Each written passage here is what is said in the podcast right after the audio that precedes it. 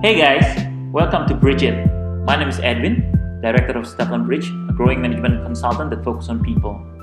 Bridge It is a podcast dedicated to learn, share, and discuss insight about leadership, development, and business from people point of view. Let's check it out.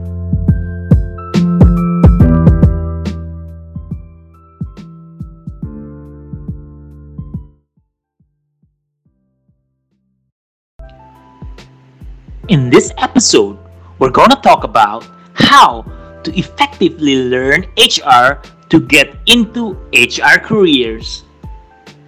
Hai Bridgers, kembali lagi nih di Bridge It Podcast. Dan kembali lagi nih sama Vita Dan aku ditemenin sama dua orang teman aku nih. Ada Rifki yang biasanya emang masuk di podcast kita Dan ada Lia. Nah Lia ini teman baru kita nih di Bridge It Podcast. Oke perkenalan dulu nih, mulai dari Lia mungkin ya Halo Bridgers, kenalin aku Lia. Halo Lia. Hai Lia Oke, Mungkin uh, Rifki bisa perkenalan dulu Halo Bridgers, Uh, seperti biasa nih uh, sama gue Rifki. So uh, kita ngobrol ngobrol hal seru lagi hari ini dan kayaknya mungkin banyak orang nih yang bakal suka topik kali ini. Oke, jadi hari ini kita mau ngebahas nih tentang gimana sih cara kita untuk dapetin karir di human resource. Nah, Nice. eh, gimana nih menurut kalian topiknya menarik nggak sih? Parah sih, parah sih, parah sih. Lagi buat uh, orang kayak gue ya, maksudnya kayak bukan dari HR dan dan dan sekarang berkarir di dunia HR gitu. Jadi kayaknya gue pengen banget share sama teman-teman di luar sana sih. Gimana sih caranya kita bisa masuk ke bidang yang sebenarnya bukan backgroundnya kita gitu. Aku juga sama nih, bukan dari background HR. Nah, pertama-tama nih aku juga mau ngejelasin dulu ada beberapa HR role nih yang penting di sebuah organisasi atau di sebuah perusahaan. Nah, seperti yang kita tahu juga nih, HR tuh sangat membantu nih untuk sebuah organisasi atau sebuah perusahaan menjadi lebih efektif dalam performance-nya. Nah, kenapa dalam performance-nya? Karena sebenarnya HR ini membantu untuk ngedevelop orang-orang di dalam sebuah organisasi atau di sebuah perusahaan. Nah, orang-orang inilah yang akan membantu keberjalanan dari performance sebuah organisasi atau sebuah Yes. bisnis atau perusahaan. Nah, Betul. maka dari itu, dari sini kita bisa tahu nih kalau HR itu sangat penting sebenarnya di sebuah Betul. organisasi, di sebuah perusahaan. Nah, gitu. Oke. Nah, eh, ketika kita merasa tertarik nih sama HR career, kita juga butuh tetap butuh nih ada skill yang dibutuhkan untuk HR career juga. Salah satunya ada verbal dan written communication. Terus kita juga bisa eh, punya problem solving skill, decision making skill. Terus kita Yes. juga punya kemampuan untuk berkomitmen dalam mengerjakan di HR juga. Dan kita juga yang terpenting kita punya eh, ilmunya dan kita juga ngerti nih cara gimana sih kita ngepraktekin ilmu tersebut di aktivitas sehari-hari. Nah, kalian sendiri sebenarnya udah aware belum sih kalau misalkan age ini udah penting untuk di sebuah organisasi atau di sebuah perusahaan? Oke, nice. Mungkin eh, gue dulu kali ya. Eh, karena menurut gue ini topiknya seru banget dan ap- kalau ditanya penting atau enggak, menurut gue penting banget eh, teman-teman. Eh, jadi gini, eh, berdasarkan apa yang gue tahu juga ya, eh, bahkan presiden kita ya, eh, Pak Joko Widodo itu eh, memprioritaskan nih. Jadi eh, beliau benar-benar memfokuskan untuk eh, pembangunan dari sumber daya manusia kayak gitu. Bahkan eh, beliau sudah mentargetkan nih kita itu harus lebih maju nih di tahun 2045 kayak gitu. Jadi ketika melihat uh, visi dari pemerintahan pun kita sudah sangat-sangat align apabila kita ingin uh, memfokuskan kepada uh, HR di sebuah perusahaan kayak gitu. Dan dalam proses uh, developmentnya atau dalam proses pengembangannya dan itu uh, dibutuhkan teman-teman HR. Kenapa? Karena kalau misalnya say di dalam sebuah perusahaan gitu, siapa sih yang manage learningnya, siapa sih yang manage uh, apa namanya talent manajemennya dan lain-lain gitu ya itu orang-orang HR gitu dia yang nge-provide uh, proses pembelajarannya dia nge-provide training kelasnya kayak gitu kan dan mereka juga nih yang melihat kira-kira trendsnya ke mana sih ini uh, bisnis kayak gitu? Misal contoh kita ambil contoh ketika ketika tahun ini kita tiba-tiba ada covid gitu ya teman-teman HR juga udah melihat apa sih sebenarnya yang harus dibutuhkan untuk para employee bisa tetap bekerja secara normal nyaman gitu ya? Oh ternyata kemampuan untuk misal uh, time management tapi apa uh, lingkungannya bukan di kantor tapi di rumah. Gimana caranya kayak gitu atau misal ternyata bisnisnya harus berubah bentuknya. Dari awalnya dia physically jadi dia punya store orang datang ke store dan lain-lain. Orang HR yang bilang uh, udah melihat nih wah kayaknya nggak bisa kalau gini terus. Mungkin kita harus belajar mengenai how to deli uh, delivery kayak gitu. Jadi bagaimana kalau produk kita bisa kita antar ke orang kayak gitu. Jadi HR yang menurut aku berperan penting banget dalam menunjang development dari uh, manusianya, karyawannya gitu kan orang-orang yang di dalamnya. Nah kalau menurut dia gimana nih? Cool, cool, setuju banget. Apalagi kalau secara global nih ya, bahkan mm -hmm. World Economic Forum aja tuh udah sepakat people management, terus habis itu people development ini juga menjadi perhatian mereka gitu, yang nantinya akan menjadi mm, most demanding nice. skills di tahun 2045. Uh, bener sih nice. tadi yang dimention sama Rifki gitu bahwa yes uh, kita nanti zaman akan berubah, cara bekerja berubah, siapa tahu ya ternyata habis COVID ini kita jadi punya kebiasaan baru buat ada remote working misalnya. Terus uh, habis itu karir pet setiap perusahaan itu kan juga beda-beda ya untuk employee-nya. Jadi sepakat sih kalau hmm. misalkan uh, kesempatan karir di bidang HR ini selain luas juga ngelihat trends gitu ya Rifki uh, Vita. Yes, betul banget. Itu kayaknya orang-orang uh, orang -orang yang ingin memulai karir di bidang HR itu juga semakin banyak ya karena selain seru gitu hmm. mengandalkan problem solving terus habis itu kita juga uh, membutuhkan skills data analytics nah uh, bagi sebagian orang itu sesuai sama passion mereka gitu hmm. tapi kebetulan karena banyak peminat di situ jadi banyak juga pesaing-pesaing yang ingin terjun ke masuk berkarir sebagai HR gitu Betul, ya. Dan di sisi lain juga banyak jadi banyak banget nih orang-orang yang backgroundnya bukan dari manajemen let's say atau accounting hmm. atau psychology atau bisnis apa whatsoever dan ingin masuk ke sana dan mempersiapkan untuk itu.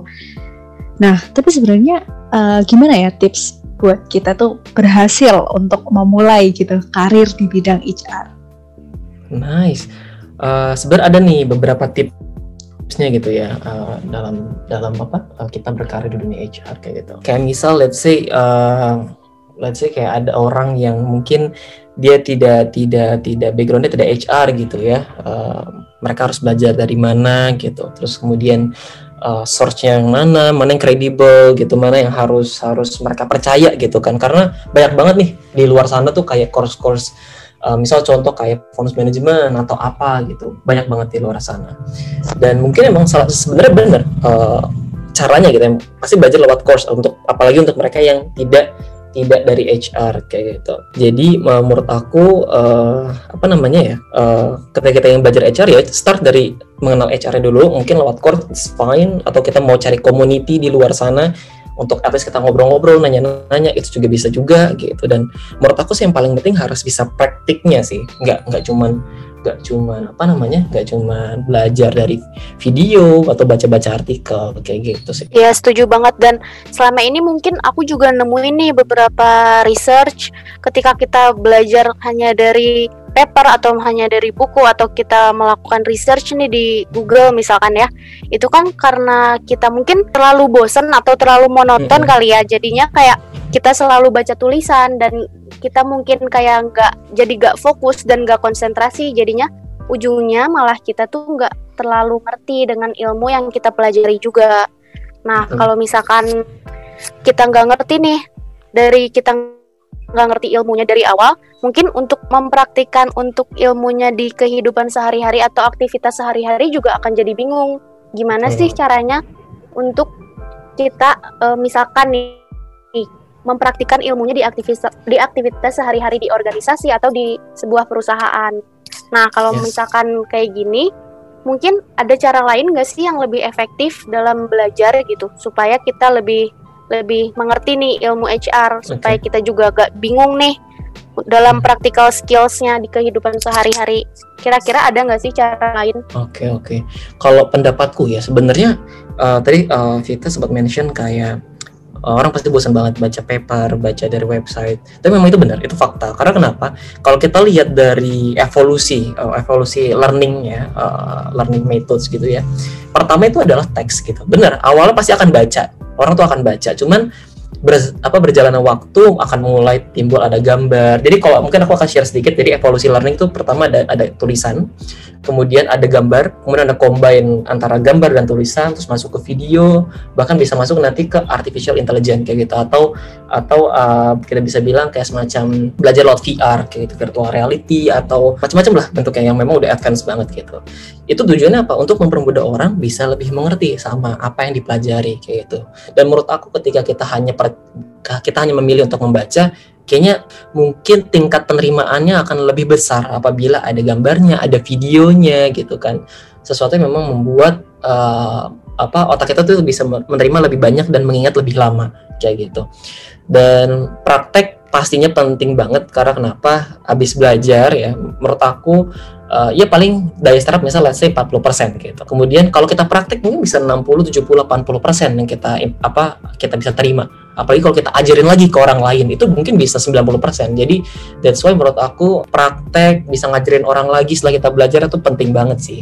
Kalau dari Lia gimana sih kira-kira Lia pernah punya pengalaman gak sih mengenai uh, metode pembelajaran mungkin yang berbeda nih dari biasanya supaya kita bisa lebih efektif nih dalam belajar HR? Ketika belajar ya, faktor penentu biar kita passion di materi yang kita pelajari, terus kita bisa fokus, konsentrasi itu memang dari metode belajarnya sih. Jadi ketika metode hmm. belajarnya uh, ngebosenin, terus nggak ngerti gitu, ini arahnya akan ke mana atau sekedar cuma abstrak aja, one way learning itu itu jujur aku sendiri yang mau awalnya niatnya gitu udah 100% gitu, tapi ketika metode belajarnya kayak gitu ya bosan juga pada akhirnya gitu. Jadi sebenarnya untuk Betul. memfasilitasi ini kita kayaknya butuh sesuatu proses pembelajaran yang teorinya juga dapat, tapi uh, action learningnya juga dapat, dan kita juga punya community buat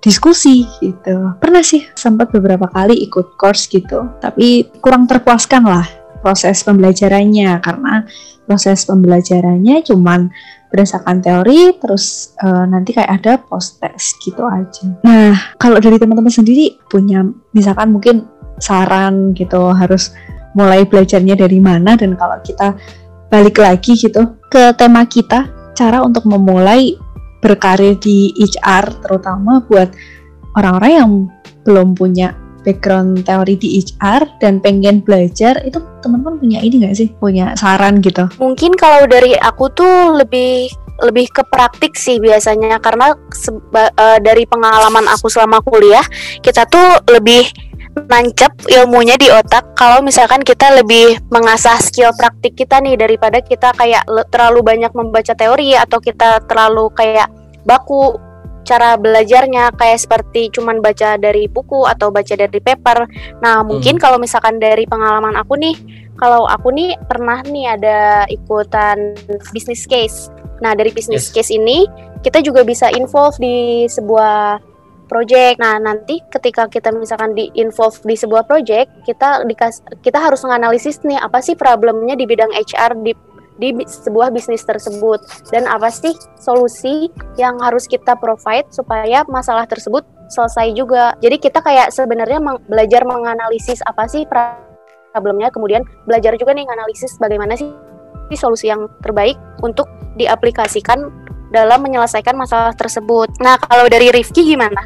Uh, aku punya pengalamannya sih sebenarnya di sini. Uh, aku pernah punya pengalaman di mana aku mendapatkan proses pembelajaran yang oke okay banget teman-teman kayak gitu. Jadi ini dulu ketika aku belajar HR, uh, eh, ketika aku belajar HR itu uh, salah satu metode yang aku gunakan adalah action learning project. Gitu. Action learning project apa sih gitu kan? Jadi ya, intinya adalah kita itu ketika belajar kita tuh juga involve dalam project uh, project-project yang project-project yang ada gitu, yang pastinya related sama apa yang kita pelajari. Nah, dengan kita involve di project tersebut gitu ya, uh, sebenarnya itu membantu banget. Uh, karena sebelumnya pastinya ketika aku lagi belajar itu aku belajar dulu mengenai video trainingnya aku belajar dulu dari buku. Aku tetap baca dari paper teman-teman. Aku baca dari paper buku. Aku tetap baca dari berbagai search nonton videonya juga gitu ya terus kemudian masuklah aku ke dalam lingkungan namanya si pilot project ini gitu. Si project ini. Masuk ke dalam lingkup project ini. Di sana aku digather oleh beberapa orang uh, dalam satu tim. Kita bisa ngobrol sana sini kita kita apa kita sharing kita diskusi. Terus kemudian kita mau taking decision kita uh, challenge nih thinking satu sama lain. Oh menurut gue itu nggak bisa. Kalau menurut gue bisa dan lain-lain. Dan itu bener-bener impacting uh, bagaimana aku berpikir mengenai sebuah permasalahan, khususnya yang related sama topik yang aku udah pelajari kayak gitu. Let's say uh, kita lagi ngomongin mengenai organization development kayak gitu. Kita mau membuat sebuah intervensi di sebuah perusahaan Nah itu kan banyak tuh jenis intervensinya dan di situ kita discuss. Oh kalau menurut gue intervensinya kayak gini nggak masuk kayak gitu karena objektifnya beda, ternyata resultnya beda.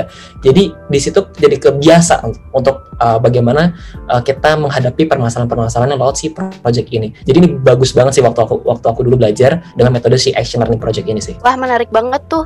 Tapi kalau misalkan bu boleh tahu nih uh, metode pembelajaran yang Rifki gunakan nih waktu kemarin ini tuh ini tuh dari mana sih didapatkannya? Karena mungkin kayaknya ini akan membuat proses belajar jadi lebih efektif juga nih ngebantu kita jadi lebih nancep ilmunya di otak gitu. Nah, oke. Okay. Jadi kalau dulu itu, dulu itu aku dulu itu aku masih secara manual. Jadi maksudnya manual itu seperti apa?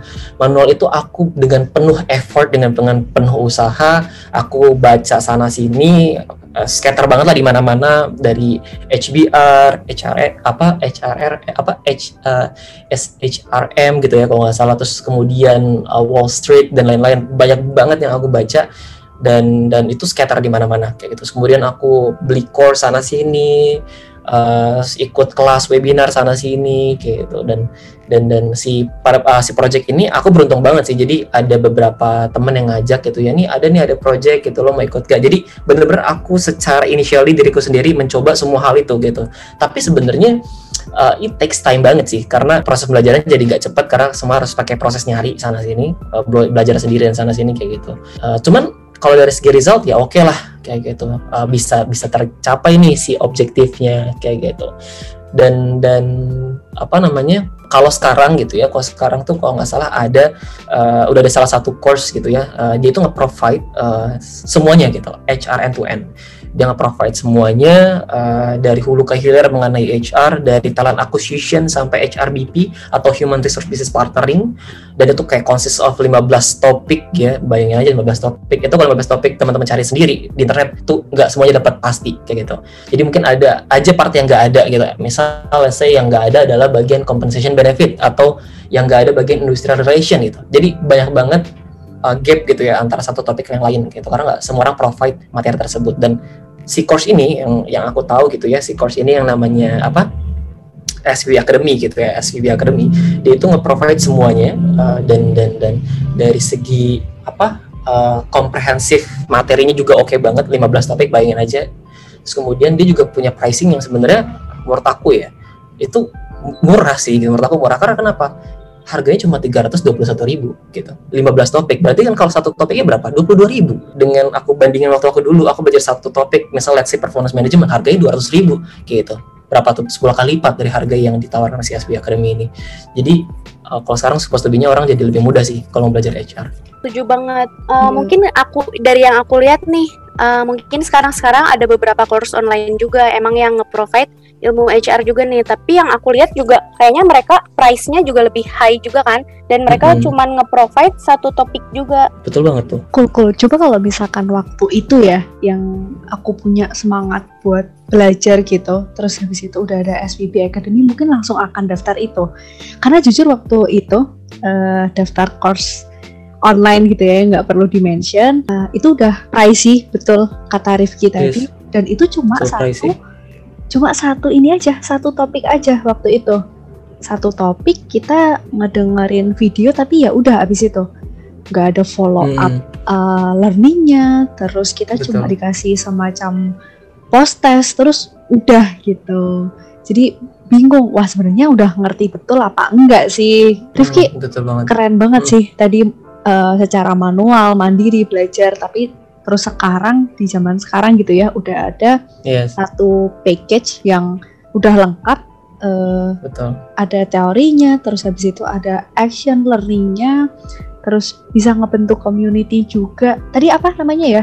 SVB, SVB Academy, Academy. ya? SVB Academy. Nah itu bisa dijelasin lebih lanjut nggak? Nggak sih Rifki? SVB Academy. Tapi sebenarnya lebih kepo Oke, ke oke. cara daftarnya Iya. sih. Oh, Di nice. mana, di mana sih lihat informasinya tuh?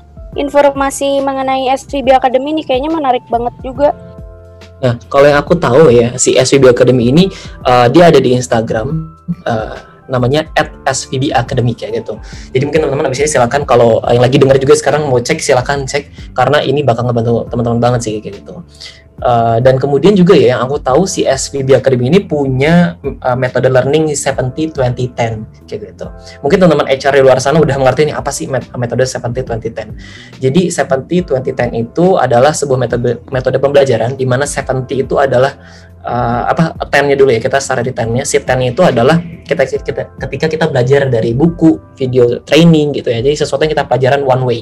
Terus kemudian masuk ke 20. 20 itu adalah ketika kita bisa uh, having conversation uh, terus masuk ke dalam community, sharing thoughts dan lain-lain itu 20-nya. Jadi kita part of the part of the community, kita bisa sharing kayak gitu. Dan si 70-nya adalah itu kayak on the job training atau atau atau sesuatu yang memang kita practical lakukan, kita kerjakan hands on langsung uh, dan itu si 70 dan si SB Academy ini kan mengcover semuanya kalau aku lihat secara sekilas 10-nya ada dia belajar di videonya 20-nya dia gabung dalam grup-grupnya gitu kan grup HR-nya dan dia bisa discuss sama teman-temannya mereka dan 70-nya itu mereka punya pilot project gitu. Jadi ketika hey, teman-teman udah belajar SBB Academy, dia akan di-assign dalam sebuah project, dikasih sebuah case dan mereka harus nyelesain gimana nih case-nya bisa selesai dengan mereka sebagai orang HR di dalamnya kayak gitu. Jadi ini bakal keren banget sih. Cool, cool, cool. Keren ya. Jadi uh, selain kita belajar, malah kita sekaligus praktis nih sebagai HR consultant. Betul banget. Keren banget sih. Eh tapi pendaftarannya udah ditutup atau belum ya ini informasinya? Oke, eh, yang setahu aku dia eh, berdasarkan insta apa Instagram yang aku lihat ya, dia itu masih buka, eh, jadi masih buka sampai sekarang dan plus apa namanya plus eh, submission untuk kita mendaftar di akademi ini tuh 23 Desember. Kayak gitu 23 Desember 2020 dan kayaknya sih memang bentar lagi sih. Kalau sekarang misal let's say tanggal 16 jadi bentar lagi gitu bentar lagi selesai. Dan setahu dia juga limited eh, limited eh, slot ya karena uh, mereka tuh mentingin quality banget. Uh, jadi uh, rather than mereka terima terlalu banyak orang gitu ya, akhirnya malah orang nggak banyak yang bisa maksimal. Jadi dia bikin limited slot. Jadi kayaknya bakal terbatas banget dan kita belum tahu kapan dia akan buka lagi. I think uh, kalau misalnya ada teman-teman di luar sana yang lagi dengerin ini dan pengen belajar HR, langsung aja kayak poin si Instagramnya dan daftar aja gitu. Mumpung harganya juga lagi murah deh. Setahu aku sekarang harga lagi murah. Wah, keren, keren, keren. Iya sih, ini aku sejujurnya lagi kepoin Instagramnya. Terus Nice. itu, ini materinya tuh apa aja sih gitu. Kan tadi uh, Rifki mention ya kalau materinya Yes. uh, HR2N yang nanti yang maksudnya nge-cover dari seluruh proses yang dilakukan oleh seorang HR. Betul Jadi makin tertarik banget sih, jujur. Aku juga lihat nih Oh. ada beberapa informasi mengenai deadline-nya juga dan terus ada juga materinya. Terus ada juga nih, oh mereka Apa juga punya akun TikTok nih Oh, ternyata. nice. Wow, hebat juga. Apa tuh akun TikToknya? Iya, akun TikToknya nih @svb.academy. Oh, sama ya sama kita- Instagram. Ah, ternyata ternyata di TikToknya juga mereka nge-provide information nih tentang SVB Akademinya. Dan ini juga aku lihat ada juga nih ada frequently asked and question nih tentang SVB Academy secara detail. Dan ini juga Oke. lengkap banget nih ada materinya, penjelasan materinya juga apa aja. Iya sih bener aku lihat nih emang HR end to end to end banget yang Oke. dijelasin. Betul banget, betul banget. Dan dan ini ya, eh, menurut aku ya teman-teman, dulu itu kalau aku waktu belajar, ya ya ya belajar manual gitu. Dan sekarang mereka sudah berani nge-provide semuanya end to end gitu. Dan aku sudah sudah bisa membayangkan kalau orang sudah belajar ini end to end, eh, apa end to end gitu ya. Mereka belajar talent acquisition sampai HR business partnering. Ke- Ketika interview sama orang, mungkin mereka lebih confident gak sih? Karena eh, mereka itu udah mengerti nih apa yang akan diomongin. Mereka udah ngerti misalnya, say tiba-tiba interview nanya, ini gue punya case kayak gitu lu bisa nggak nyelesain case-nya misal gue butuh karyawan gue uh, productivity-nya naik gitu. Apa yang akan lo lakukan? Mungkin kalau lo belum belajar mungkin lo bingung. Waduh gimana ya cara naikin productivity gitu? Atau atau gimana ya cara bikin karyawan itu uh, retain atau stay di perusahaan? Gimana ya caranya gitu? Karena kita nggak pernah punya pengalamannya backgroundnya bukan di sana gitu kan. Mau belajar course-nya mahal gitu kan mungkin kalau kita udah belajar kita udah dapat end to end kita udah praktek langsung kita ngomong sama HR expertnya mungkin kita akan lebih confident banget gak sih kita ngomong oh ya kalau menurut gue sih gini nih uh, caranya gini gini gini gitu kan jadi akan membuat si interviewer lebih uh, lebih lebih yakin oh I think this is the right candidate for a position kayak gitu. Agree, agree. Uh, apalagi sekarang yang lagi happening gitu ya, itu metode -hmm. interview yang namanya case interview. Jadi case interview ah. itu metode interview tapi di dalamnya itu ngerjain case. Jadi ala-ala bisnis case tapi -hmm. uh, prosesnya lebih singkat gitu. Cuma 30 menit untuk sekali case interview. Nah, itu kan berarti dibutuhkan kecepatan, kecepatan untuk Betul. berpikir gitu ya uh, dan juga ketelitian dan ketepatan dalam memilih framework, let's say uh, atau misalkan untuk memecahkan kasus bisnisnya ini kan otomatis kita juga mm harus punya insight yang tajam juga di bagian bisnis proses, terus punya insight yang bagus di framework HR-nya. Jadi kalau misalkan teman-teman nih kebetulan belum punya pengalaman yang banyak itu masih fresh graduate tapi udah dapat apa ini namanya? Udah dapat course-nya kayaknya udah oke okay banget sih. Oke. Okay. Jadi kesimpulannya nice, nice banget ya. Iya, iya iya, setuju setuju. Jadi kesimpulannya jangan lupa selama masih selama kesempatan masih ada gitu jangan disia-siakan lah kesempatan hmm. ini Oke, aku mau nge-sum up juga nih pendapat dari teman-teman dari awal mengenai gimana sih cara kita dapat karir di HR secara lebih profesional dan gimana sih cara kita lebih efektif dalam melaksanakan proses belajar dalam ilmu HR. Nah, tadi ada beberapa pendapat juga nih dari Rifki dan Lia kalau misalkan uh, kita tuh mungkin akan lebih nancep ilmunya ketika kita belajar secara action learning project atau secara lebih kayak two way communication. Ketika kita gak ngerti kita bisa nanya nih ke orang lain atau ketika kita langsung terjun nih ke sebuah business case atau langsung terjun ke sebuah project untuk uh, menganalisis gimana sih masalah yang ada di HR-nya mereka. Kemudian gimana sih cara kita mendapatkan solusi yang emang proper untuk menyelesaikan masalah tersebut. Nah, itu adalah metode pembelajaran yang menurut uh, opini kita nih paling efektif dibandingkan ketika kita hanya belajar dari sebuah paper atau dari sebuah buku aja. Nah, tadi juga ada saran nih dari dari Rifki, mungkin kita bisa coba nih SVB Academy Uh, dan tadi juga kita udah lihat sih Instagramnya @svb.academy dan emang di situ banyak juga sih informasi-informasi mengenai SVB Akademinya dan emang mungkin akan membantu juga nih dalam mempelajari ilmu HR secara lebih efektif juga gitu dan uh, kita kayaknya harus cepet-cepet daftar juga ya karena registrasinya sebentar lagi deadline-nya. Jadi mungkin kita hari ini akan daftar juga ya. Nice. Oke. Okay. Yes. Gitu aja kira-kira ada yang mau ditambahin gak nih dari Lia dan Rifki? Udah cukup banget sih ini udah keren banget. Hmm. Ya, udah sih. Oke. Okay. Thank you banget nih uh, Lia dan Rifki udah nemenin aku podcast hari ini dan uh, sangat insightful banget nih untuk uh, bridgers tahu gimana sih cara belajar ilmu HR yang lebih efektif dan emang yang lebih bikin kita nggak bingung gimana sih cara cara mengaplikasikannya di aktivitas sehari-hari. Yes. Oke, okay. semoga harapannya untuk Bridgers juga sangat bermanfaat nih informasi ini dan ngebantu ngebantu dalam mempelajari ilmu HR juga. Oke. Okay. Uh, so Bridgers uh, segini aja nih podcast kita minggu ini.